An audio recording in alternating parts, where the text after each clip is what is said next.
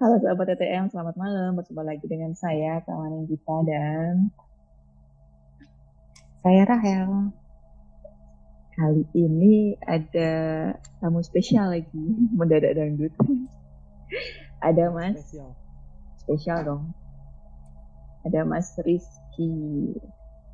Halo. Mas Rizky Rifangga. Diary Indigo Podcast. Ya. Sekarang bagian dari collab lagi. Iya benar. Karena ternyata ternyata Mas Rizky punya cita tentang gunung jadi kita todong yang malam ini. Gimana Mas? Di gunung apa? Di gunung apa? Ada salah satu cerita yang menurut saya uh, patut diceritakan dan jadi pelajaran juga sih buat teman-teman yang naik gunung. Salah di salah satu gunung tertinggi di hmm. Jawa Barat namanya Gunung Ciremai. Hmm. Itu Gunung Ciremai itu posisinya di antara Cirebon hmm. Kuningan mm-hmm. Majalengka sama Majalengka di antara tiga kota tengah-tengah. Kalau nggak salah itu tempatnya Malampir bukan ya? Malampir. Malampir. Bukan, bukan, bukan. Uh, dulu film kolosal dulu kan katanya Malampir dari Gunung Ciremai gitu kalau nggak salah. Bukannya ya, Merapi oh, ya film, kalau Malampir. Hmm, bikin filmnya oh, Merapi ya, ya, bikin filmnya ya. Oh, syutingnya di situ. Pernah juga hmm. di situ kalau nggak salah. Oh. Ada apa di sana? Baru tahu nih. Nah, mitosnya katanya sih di Gunung Ciremai itu suka diadakan kayak pertemuan-pertemuan gaib di atasnya. Jadi kayak dulu tuh kayak wali-wali semua ketemunya di uh, Gunung Ciremai katanya. Ya sih, saya juga hmm. Uh, dan memang si treknya itu terjal sekali, uh, jauh sekali, panjang sekali. Bukan untuk orang awam lah istilahnya. Hmm. Langsung aja nih ke ceritanya atau gimana mbak? Oke, okay. iya langsung aja mas Rizky. Sudah nggak sabar mau dengerin ceritanya nih. Oke. Oke, jadi sebenarnya ini pendakian mendadak. Pendakian mendadak. Eh, tadinya rencananya empat orang, genap eh, saya, eh, ada Cahyo, Rifki, dan Aris hmm. jadi empat orang gitu. hmm. pas empat orang nah Aris ini entah kenapa ini yang samping saya nggak jadi naik eh, nggak uh, tahu ada uh, urusan apa akhirnya kami jadi bertiga kami bertiga itu berangkat dari Bandung packing lah kita hmm. dari Bandung uh, siap-siap barang. Uh, kita bawa aqua tuh tiga aqua besar. Yang kurang berapa sih? 1,5 liter. Tiga aqua gede 1,5 liter. Kita udah persiapkan semuanya tenda dan lain-lain. Terus untuk uh, check in yang di depan apa uh, pos gunungnya itu kan bayar nanti. Udah disiapin lah semuanya. Simaksi simaksi ya teman-teman yang suka naik gunung pasti tahulah setiap gunung itu pasti ada simaksinya kebersihan dan lain-lain. Nah uh, kita berangkat dari Bandung naik motor. Uh, kebetulan waktu itu satu uh, dua motor kita motor saya dan motornya Cahyo. Nah Cahyo ini Cahyo ini orang Tangerang. Orang Tangerang dan orangnya itu kayak orang selengean gitu yang suka bercanda bercanda sompral ya. Ya ya bercanda bercanda gak etis lah orangnya gitu si Cahyo uh, gitu. ya ini yuk kalau lu dengerin ya yuk. Kalau lu dengerin lu emang kayak gitu orangnya yuk. Nggak tahu di mana mana lu mah aduh parah lah. Tapi nggak ada lu nggak rame biasanya gitu sih. Iya. Yang jadi bumbunya tuh memang Cahyo sih sebenarnya bumbu jadi serunya itu karena dia memang suka menghibur nah kalau saya lebih tipikal uh, teoritis gitu strategis. Jadi uh, pokoknya harus ini nggak boleh lewat checklistnya ini, ini ini gitu. Saya lebih ke teoritis dan detail lah kalau naik gunung itu banyak banyak apa-apanya gitu. Terlalu ribet kalau saya orangnya. Nah kalau Rifki kalau Rifki itu terlalu santai malah. Santai banget orangnya tuh kalem banget. Jadi kalau misalkan ada masalah ah nyantai aja. Kalau misalkan ban bocor santai dorong dulu aja gitu kan. Kalau aku udah panik tuh ah, cari cari cari cari cari tambal ban. Nah hmm. itu uh, kita, aku nyeritain dulu orang-orang backgroundnya. Nah berangkatlah dari Bandung uh, kita menuju Kuningan karena kita berangkat lewat jalur apa sih namanya yang dari Kuningan itu dari dari jalur Apuy eh Linggarjati uh, kan ada kalau dari Apuy itu Cirebon kalau dari Kun eh Majalengka kalau uh, ya dan jadi ada dua dua eh tiga ya tiga pendakian yang satu dari Cirebon, yang satu dari Majalengka, yang satu dari Kuningan. Nah, kita ngambil dari Kuningan karena posisinya lebih dekat dari Bandung. Jadi cuma Hmm. lewat Sumedang langsung ke Kuningan, kita langsung menuju pos. Dan ternyata eh, posisi dari si Kuningan itu menuju pos pendakian pertama, pos pendaftaran itu jauh banget. Kita ngelewatin eh, desa, ngelewatin desa eh, lewat desa, lewat perkampungan. Kita juga sempat nyasar di perkampungannya karena karena apa ya? Jalannya tuh memang masuk kampung banget. Nah, yang tapi yang anehnya, yang saya anehnya waktu Hmm. itu jam jam 4 menuju maghrib lah, jam 4 jam 5 sore menuju maghrib. Hmm. Harusnya kan biasanya lah jam 4 jam 5 masih rame lah orang-orang desa maksudnya orang-orang desa yang baru pulang Hmm. dari sawah orang-orang desa yang mau pergi ke masjid mungkin dan lain-lain. Ini sepi banget. Gak ada orang yang bisa kami tanyain jalan gitu. Nggak tahu nggak tahu kenapa gitu sepi banget. Pas masuk desa ya. Ya, nah akhirnya kita cari-cari sendiri inisiatif jalan gitu. Kita cuman eh, mengandalkan Rifki. Jadi Rifki itu dia tuh navigator kita. Rifki yang harusnya dia tahu jalan dan tahu maps. Yang sebelumnya dia ngapalin mapsnya. Hmm. eh, akhirnya dia kayak milih-milih sesuai feelingnya gitu. Kayaknya kayaknya ke sini deh. Itu sebelum naik gunung ya kita udah tersesat. Sebelum naik gunung udah tersesat. Milih-milih jalan kayaknya ke sini deh. Jadi dia tuh kayak kayak eh, pakai kompas gitu loh. Harusnya kan utara kita terus aja ke utara katanya. Ikutin kompas utara. Jalan kecil masuk dan akhirnya ada satu jalan jalan sawah gitu. Dan itu memang menuju pos nah akhirnya kita ikutin jalan itu menuju pos. Dan alhamdulillah eh, sampai menuju pos sekitar eh, maghrib dan kita sholat maghrib di pos tersebut. Dan eh, sebenarnya itu bukan hari biasa bukan weekdays. Kita naiknya weekend. Harusnya weekend tuh rame. Harusnya weekend tuh rame. Itu sepi banget. Gak tahu kenapa sepi week weekend tapi sepi sepi pendaki Pendaki lain nggak ada sat- satu orang pun nggak ada. Nggak ada, Pendaki nggak lain. ada nggak ada satu orang pun demi Allah waktu itu saya lagi di pos harusnya kan ada yang daftar ada yang istirahat Hmm. atau ada yang baru turun atau apa kayak ini sepi nggak ada Heeh. bahkan saya lihat di pos pendaftaran tuh nggak ada orang saya Jangan-jangan salah hari. ya itu nggak saya jadi kok kok eh, bumi eh, kok dunia ini lagi sepi apa gimana ya Ya, lebay juga pokoknya sepi lah nah, saya ke pos pendaftaran ngeliat lah oh ada orangnya di dalam lagi tidur. Eh, AA gitu kan. A eh, oh iya kenapa? Ini saya mau naik. Oh boleh boleh. Ya kita daftar lagi ngisi data dan lain-lain. Terus sa- saya sambil tanya A emang lagi sepi sekarang?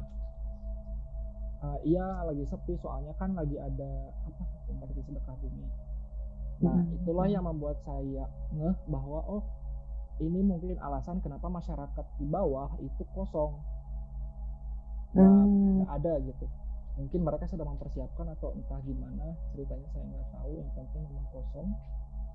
Eh, dan saya nggak tahu ceritanya ketika ada eh, sedekah-sedekah bumi seperti itu ya saya nggak tahu namanya apa. Itu suka ada apa di atas saya nggak tahu. Ah saya naik aja gitu. Ah serius mau naik? Hmm. jadi si si si si pos ini nanya ah serius mau naik sekarang kenapa nggak besok aja ah so- soalnya kita jauh dari Bandung. Kalau misalkan balik lagi kan jauh ah atau misal terus kita juga hari Selasanya hari Selasanya itu mau kerja eh mau kerja mau kuliah. Kita kan masih kuliah waktu itu. Hmm. Nah. jadi nggak bisa kita stay terlalu lama di sini. Kita harus langsung naik hari ini. Oh ya udah. Ah kalau gitu eh, hati-hati aja. Kalau misalkan dengar bunyi-bunyi apa pun eh, Hmm. apa ya kata dia teh biarin aja. Tapi dalam bahasa Sunda ya ngomongnya. Heeh.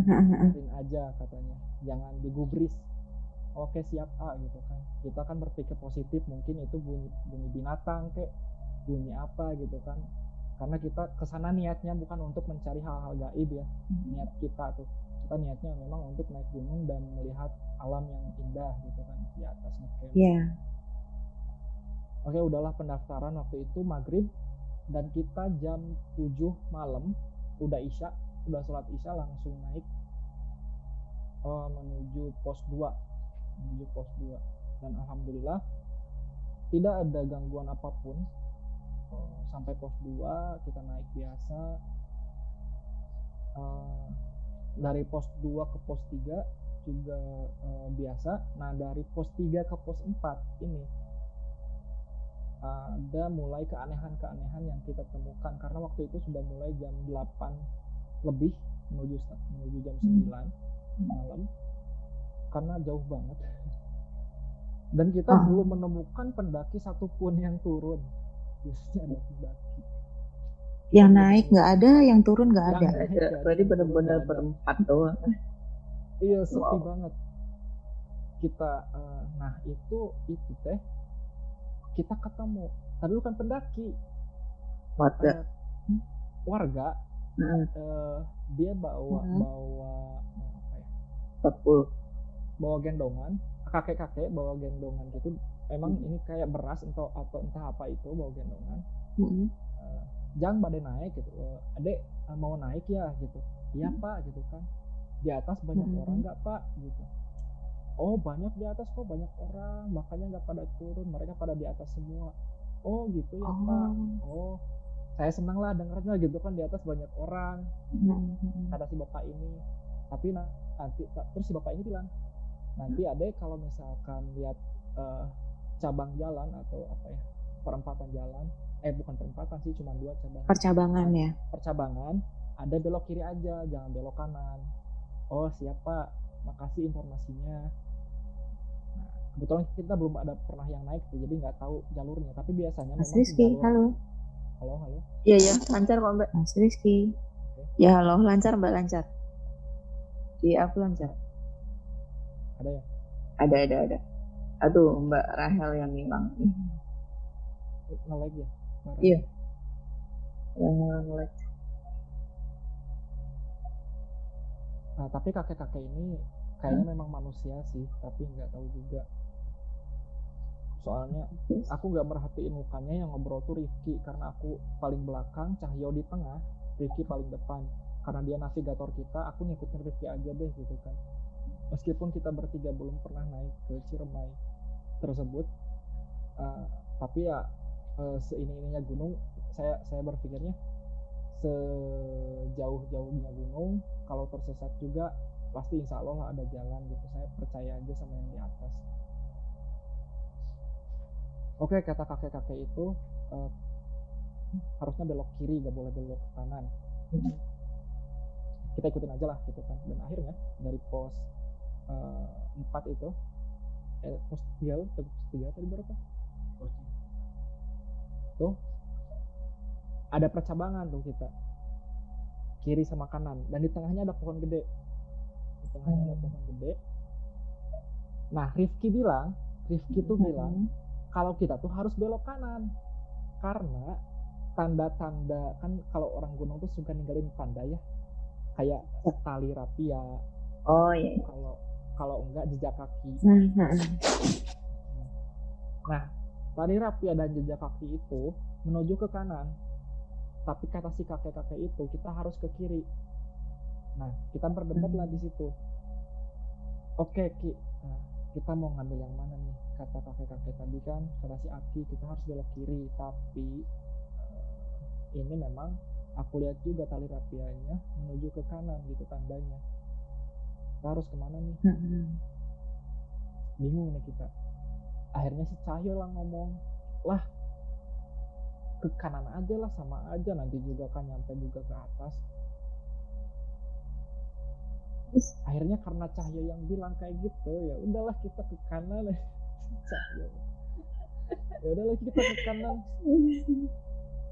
Tapi dipikir ya juga ya si kakek kakek itu. Aneh ya. siapa gitu aneh juga. Ya udahlah kita ke kanan lah gitu kan. Kita ke kanan. Nah kita ke kanan waktu itu. Udah nyampe kalau dari eh, udah nyampe ke pos kalau mau ke pos 4 itu si si pohon-pohonnya tuh udah bener-bener hutan rimba banget hutannya tuh udah udah bener-bener kelihatan hutan banget lah gitu kan dan jalannya akses jalannya mulai susah mulai eh, kayak kita harus mendaki mulai harus climbing gitu dan lain-lain trekkingnya gitu mulai Hmm. agak susah Lebat dan ya. itu juga posisinya malam Hmm. waktu menunjukkan jam 9 malam Hmm. Dan eh, saya melihat eh, mungkin lihatan saya doang ya. jadi kalau memang eh, saya tuh suka ada perasaan ada feeling cuman saya suka nggak bilang ke teman-teman yang lain saya tutupin aja gitu saya melihat ada ada apa ya, waktu di perjalanan sedikit lagi menuju pos 4 Hmm. eh, ada ada satu pohon pohon besar di sebelah kanan itu jalan jalan kita itu memang eh, memang gelap banget posisinya. Tapi saya feelingnya ke sebelah kanan tuh tak eh, apa ya gede banget gitu. Ya udah saya perhatikan dengan detail ada apa sih di sebelah kanan gitu kan. Dan gue merinding. Oke Ada apa di pohon itu? Eh, di sebelah kanan itu bukan cuma satu sosok sih yang saya rasakan. Itu banyak sekali sosok yang sedang berkumpul tapi Mm-mm. aduh. Macam lagi pesta ya? eh, ya kurang lebih kayak gitu. Jadi Wow. banget sih. Jadi eh, pohon itu kayak dikelilingin. Hmm. tuh kayak mungkin ya saya nggak mau nggak mau suzon juga. Kayak satu gerbang. Entah gerbang apa saya nggak mau tahu ya. Pokoknya itu kayak satu gerbang pokoknya pohon itu tuh Di tengah-tengah pohon Pohonnya itu. kembar nggak sih? ya ya Oh, pohonnya cuma satu gitu. cuma cuma satu pohon tapi gede terus di Gede tengahnya banget. itu kayak ada kayak Ada pintu. gitu loh mbak ada jadi pohon Oh, kayak ada bolong gitu. ah ya ya. Oh. kayak ada bolong gitu dan itu memang dari jauh juga udah kelihatan tuh si pohon itu tuh karena mencolok banget Hmm. Nah, saya Ah, pengen lihat saya pengen lihat terus ke kanan ke pohon itu pengen lihat terus gitu kan pengen fokus lama-lama fokus saya ya Dapat. kegam kegambar dapat makhluk-makhluk tersebut dan kayak Mhm. mengelilingi pohon tersebut yang di tengahnya bolong hitam itu. Waduh astagfirullah gitu kan kata saya. Ya udahlah karena kita juga gak ganggu gitu kan. Mm-mm. oke. Tapi saya saya nggak ganggu dan nggak bilang apa pun ya sama yang lain. Si Cahyo ini si Cahyo ini tiba-tiba eh, ya gitulah omongannya eh ini gunung apaan sih ini gunung apaan sih gitu kan kok gini Sompral banget?" ya. Eh, iya dan posisinya kenapa dia sompralnya pas di situ gitu loh mbak Iya. banget. Ya karena dia nggak lihat soalnya ya. Ya. Jadi eh, jadi bilangnya tuh selengean. Yo yo bentar lagi yo, sabar yo gitu kan. Ah nggak mau pokoknya gue mau istirahat dulu. Eh ya udah istirahat dulu, istirahat dulu lah kita istirahat sekitar eh, 10 menit. Oke istirahat 10 menit. Yo lu jangan terlalu sempral lah ngomongnya biasa aja gitu kan. Ini bukan kayak di Tangerang tempat lu ini ini Gunung Ciremai gitu kan gunung. Oke. Udah istirahat 10 menit kita jalan lagi. Nah, si Cahyo itu eh, kayak kayak kehausan bener-bener haus gitu loh, minum terus, minum terus dia sampai satu 1,5 liter itu habis sama dia sendiri. Wow. Mm-mm. Terus minta istirahat lagi, Hmm. istirahat lagi, istirahat lagi. Ya udah istirahat lagi gitu kan. Dan dan entah kenapa eh, semenjak kita sering istirahat dari tempat itu, saya tuh kayak ngerasa di belakang tuh ada yang ikut gitu. Banyak Oh, yang tapi saya tapi saya bodoh amatin gitu loh mbak ah nggak ada apa-apa soalnya kan saya paling belakang nih saya paling belakang saya depan, Oh. dia paling depan. Oh. saya ngerasa di belakang tuh rumput-rumput tuh saya lewat rumput tuh kayak saya saya belaki belakang cepet gitu. Tuh astaga nih apa gitu saya nggak mau fokus gitu kan. Yuk yuk pokoknya cepetan lah jalan lu istirahatin jangan lama-lama gitu kan. Gue udah nggak nggak enak gini gitu kan ini udah udah mau jam 10 juga gitu kan emang jauh banget tuh Dan kalau pas Hmm. pas Mas Riki Mas Rizky istirahat mereka juga ikut berhenti. Mas Riki jalan mereka ikut jalan begitu ya. iya Wah, gitu Serem banget. gitu kayak gitu Dan Aku akhirnya- ngebayanginnya yang enggak-enggak loh. Iya, Iya. jangan dulu ngebayangin dulu. Oke, Ah, terus? ini nih. Eh, nanti poinnya tuh, nanti poinnya tuh ceritain. Nah, akhirnya aku buru-buru si Cahyo, lo buru lo yo, buru lo yo. Di si- sini carriernya gue bawa, oh, sampai carriernya Cahyo yang berat aku bawain. Aku bawa dua carrier, Mbak. Aku bawa dua carrier. Dibagi dua sama Rizky. Mm-mm. Ki, ki nih yang beratnya. Oh, Cahyo, karena memang sorry ya, Cahyo itu gendut orangnya, bukan gendut ya. Oh. Ya agak susah lah memang. Kita Iya, ngerti iya. gitu kan ya udah. Ya udah, eh, Cahyo gak bawa apa pun. Hmm. Cahyo nggak bawa apa pun dan kita bawa eh, aku bawa carrier dua Rifki juga bawa bagian dari beberapa carriernya Cahyo kita naik alhamdulillah tuh sampai di eh, pos 4 pos 4 kita karena pos 4 itu posisinya kayak eh, ada hamparan luas juga cuman memang hamparan luas dan bisa apa ya bisa buka Camping tenda. tenda. Bisa buka tenda di pos 4 sebenarnya kita bisa istirahat.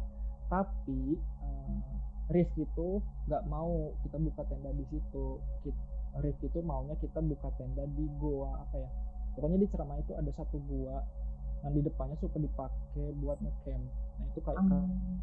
gua kelelawar gitu dan kelelawar itu tuh suka diambilin sarangnya gitu loh itu apa gitu.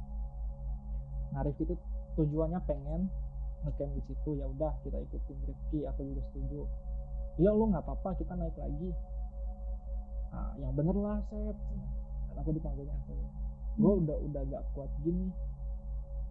Bentar lagi kok depan itu 10 menit lagi Indomaret. gitu. Indomaret tuh di atas lu makan-makan di atas biar kenyang. Hmm. ya udahlah kalau gitu. Tapi ini buat gua ya jadi aku bawa bawa bawa kayak kayak ciki ciki gitu snack snack gitu. Ini buat gua ya. Ya udahlah lu makan semua lah. Ya udah, akhirnya dia setuju juga uh, buat naik lagi dari pos 4 menuju pos 5 nah dari pos 4 menuju pos 5 lebih banyaknya tuh udah nggak banyak pohon sebenarnya. Udah nggak banyak pohon gede cuman uh, ada ilalang dan lebih ke kayak bebatuan besar. Kita melewati bebatuan besar yang yang trekkingnya memang harus kita pakai tangan lagi gini. Merangkak uh, lewat batu-batu besar. Uh, dan dan perasaan saya masih sama cuman memang saya bodoh amatin karena nggak mau mengganggu kefokusan kita gitu. Kefokusan saya Hmm. sendiri juga di belakang memang masih ada yang ngikutin. Saya saya pasti itu positif banget ada yang ngikutin Pura-pura saya nggak lihat. fokus itu apa? Akhirnya di satu waktu si Cahyo ini lagi eh sompral lagi lah istilahnya.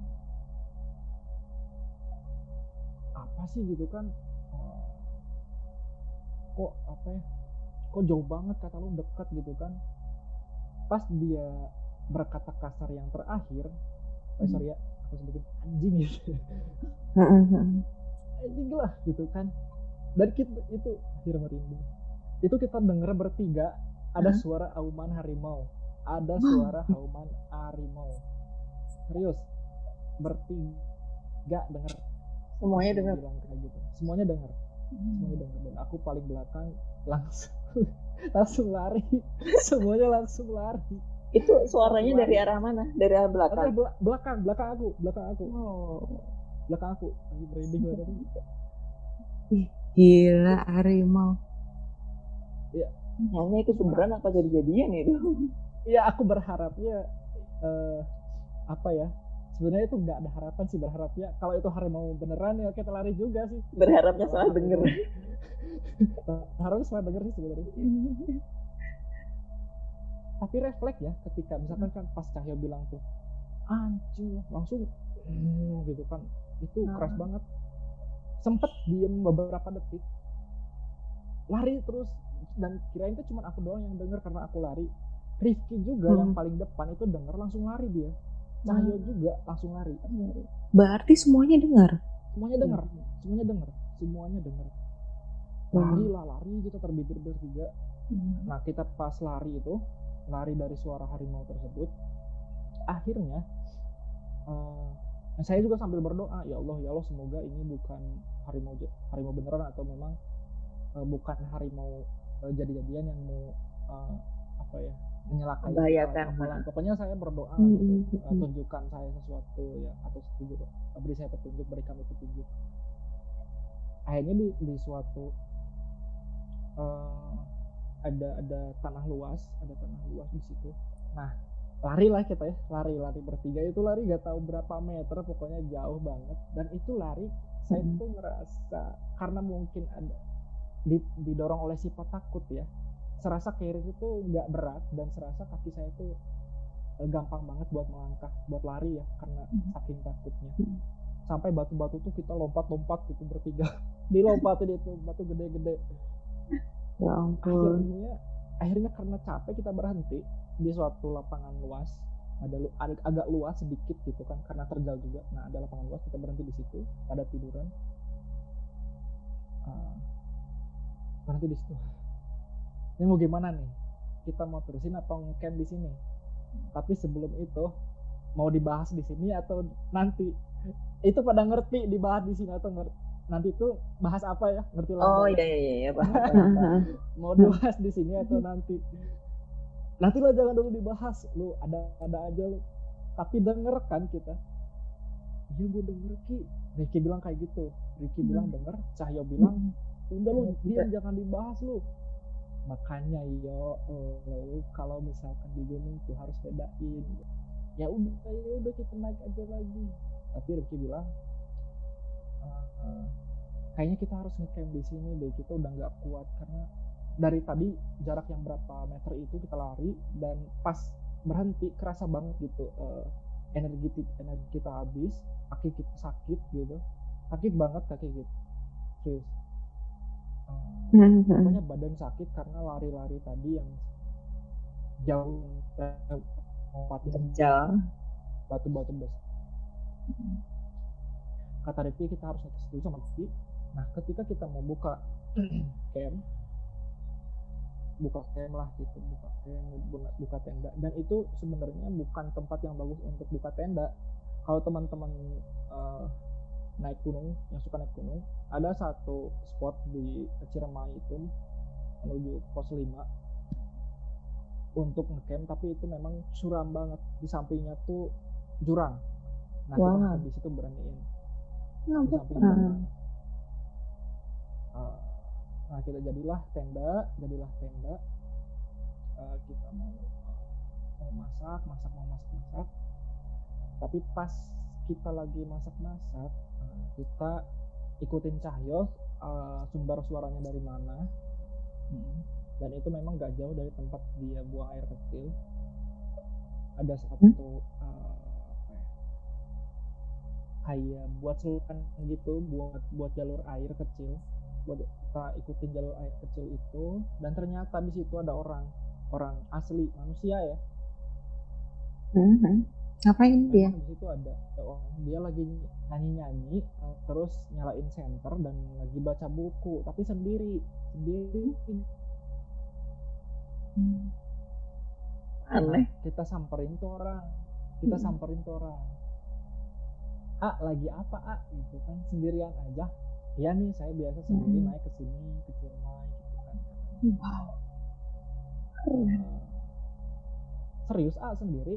Iya saya sendiri. Cuma emang siapa lagi gitu kan? Oh ya. Feelingku nggak beres sih. Sama perasaanku nggak enak nih. Kalian okay, berapa orang? kalian berapa orang e, bertiga ah gitu kan oh bertiga berani juga ya kalian naik Ciremai bertiga loh emang kenapa ah kalau bertiga? Ke Ciremai itu nggak boleh ganjil. Ya dia sendiri ganjil? Iya nggak boleh ganjil kata si A itu. Hmm. Kalau kalian naik Ciremai ganjil dari bawah sampai ke atas, terus dari atas turun lagi, ada yang nemenin satu orang dan itu bukan dari pihak kita. Oh alah. Pantesan. Hmm. ya kata si AA hmm. itu kayak gitu ya. Uh, uh, oke okay.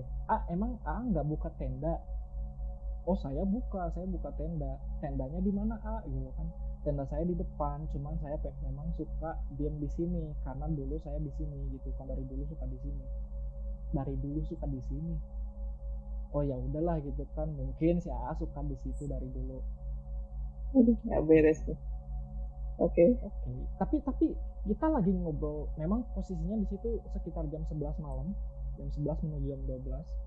dan Hmm. udah pada capek gak kuat ngantuk pengen tidur juga Dan nggak sempat pikir aneh-aneh ya, tentunya. Saya sempat Hmm. aneh-aneh dan Hmm. ngobrol aja sebenarnya biasa sama si AA itu ngobrol pengalaman naik gunungnya ngobrol Hmm. apa pun kayak tadi gitu kan ke Ciremai gak boleh terus terus ah apalagi sebenarnya yang ke Ciremai itu nggak boleh dulu itu Hmm. yang mau naik ke Ciremai orang-orang zaman dulu cuman orang-orang yang mau nanya eh, eh, apa ya, nyari ilmu nyari ilmu kebatinan Hmm. Hmm. jadi ketika turun dari Ciremai mereka selalu ditanya dapat ilmu apa nah itu kata si Hmm. itu oh jadi orang-orang yang suka ilmu itu naiknya ke Ciremai oh, yang dari orang Sunda katanya terus yang lainnya Hmm. juga eh, di Ciremai itu memang eh, dijaga oleh penggawa-penggawa eh, Prabu Siliwangi jadi kalau misalkan kamu masih orang Sunda kamu masih eh, bagian dari eh, apa ya perlindungan dari si Prabu Siliwangi ini katanya kayak kata dia tuh kayak gitu tapi kalau di luar gitu lah ya. kalau di, di, di luar orang Sunda kayak eh, Orang Jawa misalnya. sebenarnya si Cahyo dan si Rifki ini bu, bukan orang Sunda cuman saya aja yang orang Sunda aslinya Ah, Mm-mm. si oke. Kita ngobrol di situ sampai larut malam karena kecapean. Tiba-tiba si Cahyo tuh udah ngorok aja di sebelah saya. Dia udah tidur. Kita nggak tidur di tenda. Nah kita semuanya ti- tidur di situ. Deket si AA-nya itu tadi. dekat si AA itu tadi. Hmm. Rifki juga tiba-tiba tidur karena memang kita tuh udah benar-benar capek gitu kan. Udah lemes. Hmm. saya juga But sorry sorry. Sorry mas. Berarti tidur di alam terbuka gitu, nggak di dalam pakai tenda. tikar. nggak pakai tikar tapi nggak tahu ngerasa tuh nyaman banget ketika kita ngobrol sama si tuh serius jadi ayo aja Wah. sampai tiba-tiba ketiduran gitu Rifki tidur duluan dan saya bilang saya juga mau tidur tapi nggak enak loh Kak, karena lagi ngobrol sama si AA itu ya Oh iya iya paham paham. paham. Iya iya iya. saya, saya bilang sih ah aduh maaf kalau saya ketiduran nggak apa-apa ya nggak apa-apa tidur mah tidur aja sama sok Terus Hmm. sambil ngerokok kan biasa dan memang bener ngantuk banget capek lemes saya pak saya tutup mata saya tidur lah gitu kan mata saya tidur Hmm. dan saya tidur itu eh, ini yang memang saya nggak Rifki dan Cahyo belum tahu sampai sekarang sebenarnya Cerita ini Dan- wah, wah, wah. harus nonton berarti Rizky Ketika- sama Cahyo. ketika saya tidur ketika saya tidur Hmm. ini kayak memori di cerita kemarin kan saya bilang bahwa ketika bapak saya dikirim saya bangun dari tidur itu loh mbak Mm-mm. nah kayak yang tadi kayak mimpi bapak saya yang waktu disantet itu saya Hmm. ngerasain hal yang sama di Gunung Serimai itu saya bangun sama kayak bangun biasa bangun dan posisi memang gelap Hmm. Uh, saya nggak Mhm. merasakan dingin atau panas, nggak merasakan apa pun. Saya Mhm. bangun. Saya lihat Cahyo sebelah kiri tidur, di depan saya Rifki juga tidur, dan saya lihat ke sebelah kanan si AA nggak ada. Oh si AA Hmm. ini ke mana gitu kan? Nggak ada? Uh, saya penasaran karena dia bilang tendanya di depan. Kan dia bilang sebelumnya kan tendanya di depan ya, Iya iya. iya. tenda saya di depan Ha. saya penasaran saya mau nyamperin tendana berharap untuk ngobrol lagi sama si AA-nya karena saya Mm-mm. udah kebangun gitu kan nggak enak tadi Mm. ketiduran oke. Saya ke depan lah gitu kan. Saya ke depan. Uh, dan ke depan itu sebenarnya jalur menuju puncak. Jalur menuju puncak. Mm-mm. jalan sedikit. Saya nggak lihat satupun ada tenda di situ. Nggak lihat Oh. satupun ada tenda. Sa- saya lihat si AA si AA itu. Eh, dia eh, kayak gimana kayak bersujud gitu bersujud di depan batu Sujud kayak orang sholat gitu, kayak gerakan Iya, iya, sholat iya. gitu mas. betul Ha-ha. merinding aku Aku udah dari Ya tadi merinding nih, semoga- Ya terus. udah dari tadi aku merinding. semoga tenang ya Hmm. kalau kalau teman-teman Ciremai yang suka naik pasti tahu batu ini posisinya di mana dan tertulis nama siapa di situ. Allahu Akbar astagfirullahaladzim. Oh, oh, oh, oh, oh. Uh, merinding. Allahu Oh. Akbar merinding aku sumpah. Oke, terus Aku- Mas. Hmm. aku lihat si A itu di depan batu itu aku samperin A lagi apa gak jawab apa pun A lagi apa gak jawab lagi A lagi apa gak jawab lagi ini si A kenapa sih tidur? Apa gitu kan? Saya lihat pas saya deketin lagi sampai saya lihat batunya secara jelas Hmm. saya deketin tuh ke batu. Ada tulisan di situ kayak setelah eh, setelah berpulang teman kami. Bla bla bla gitu kan kayak gitu. Wah. A meninggal. Allahu dia Akbar. nggak jawab A ini siapa yang meninggal di sini dia nggak jawab. A ini siapa yang meninggal di sini? Entah kenapa pas saya tanya yang ketiga kali eh, saya langsung ada yang nekuk dari belakang. Puk gitu kan. Nah. Nah ya, yang nekuk ini sosoknya tuh kayak se- sebenarnya saya nggak mau nyeritain sosok tapi kayaknya sih teman-teman yang suka ngerasa ini tahu nih sosoknya siapa. Aku lihat satu orang kayak penggawa kerajaan gitu. Hmm. kayak penggawa kerajaan gitu nepuk saya dari belakang. Nepuk pas saya lihat ke belakang Cir, ini nyata atau mimpi? gitu kan. Saya lihat ada orang kerajaan gitu loh. Kayak tapi bukan bukan rajanya tapi kayak pengawalnya Hmm. pakai Iya. pakai baju adat Sunda baju adat Sunda oke ah kadil kadil ngilu Cina. kadil Hah? ngilu nah kalau kalau bahasa Indonesia nya mah ke sini ikut tapi Hmm. dalam bahasa halus halus banget bahasa itu halus banget intonasinya rendah dan enak buat didengar gitu pokoknya ajakan yang bener-bener waktu itu kayak bener eh, friendly lah buat saya. Kadil ngilu Heeh, heeh. gue ikut uh, uh, mau apa kata saya teh. Uh, sini aja. Nggak ada apa-apa kok. Uh, biarkan dia di situ kata kata si orang itu. Biarkan dia di situ.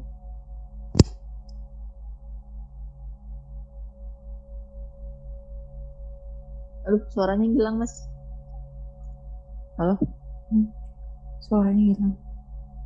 Aman ya aman ya. Aman, aman. sorry deh. Jadi saya nahan. tapi nahan rasa merinding. Lanjut ya lanjut. Iya. lanjut pas saya diajak eh, saya sedikit bukan membangkang ya saya sedikit mempertanyakan orang yang ada di belakang. Aduh, keresek-keresek banget ya. Mm-mm. Keresek-keresek heeh. saya saya izin dulu deh kayaknya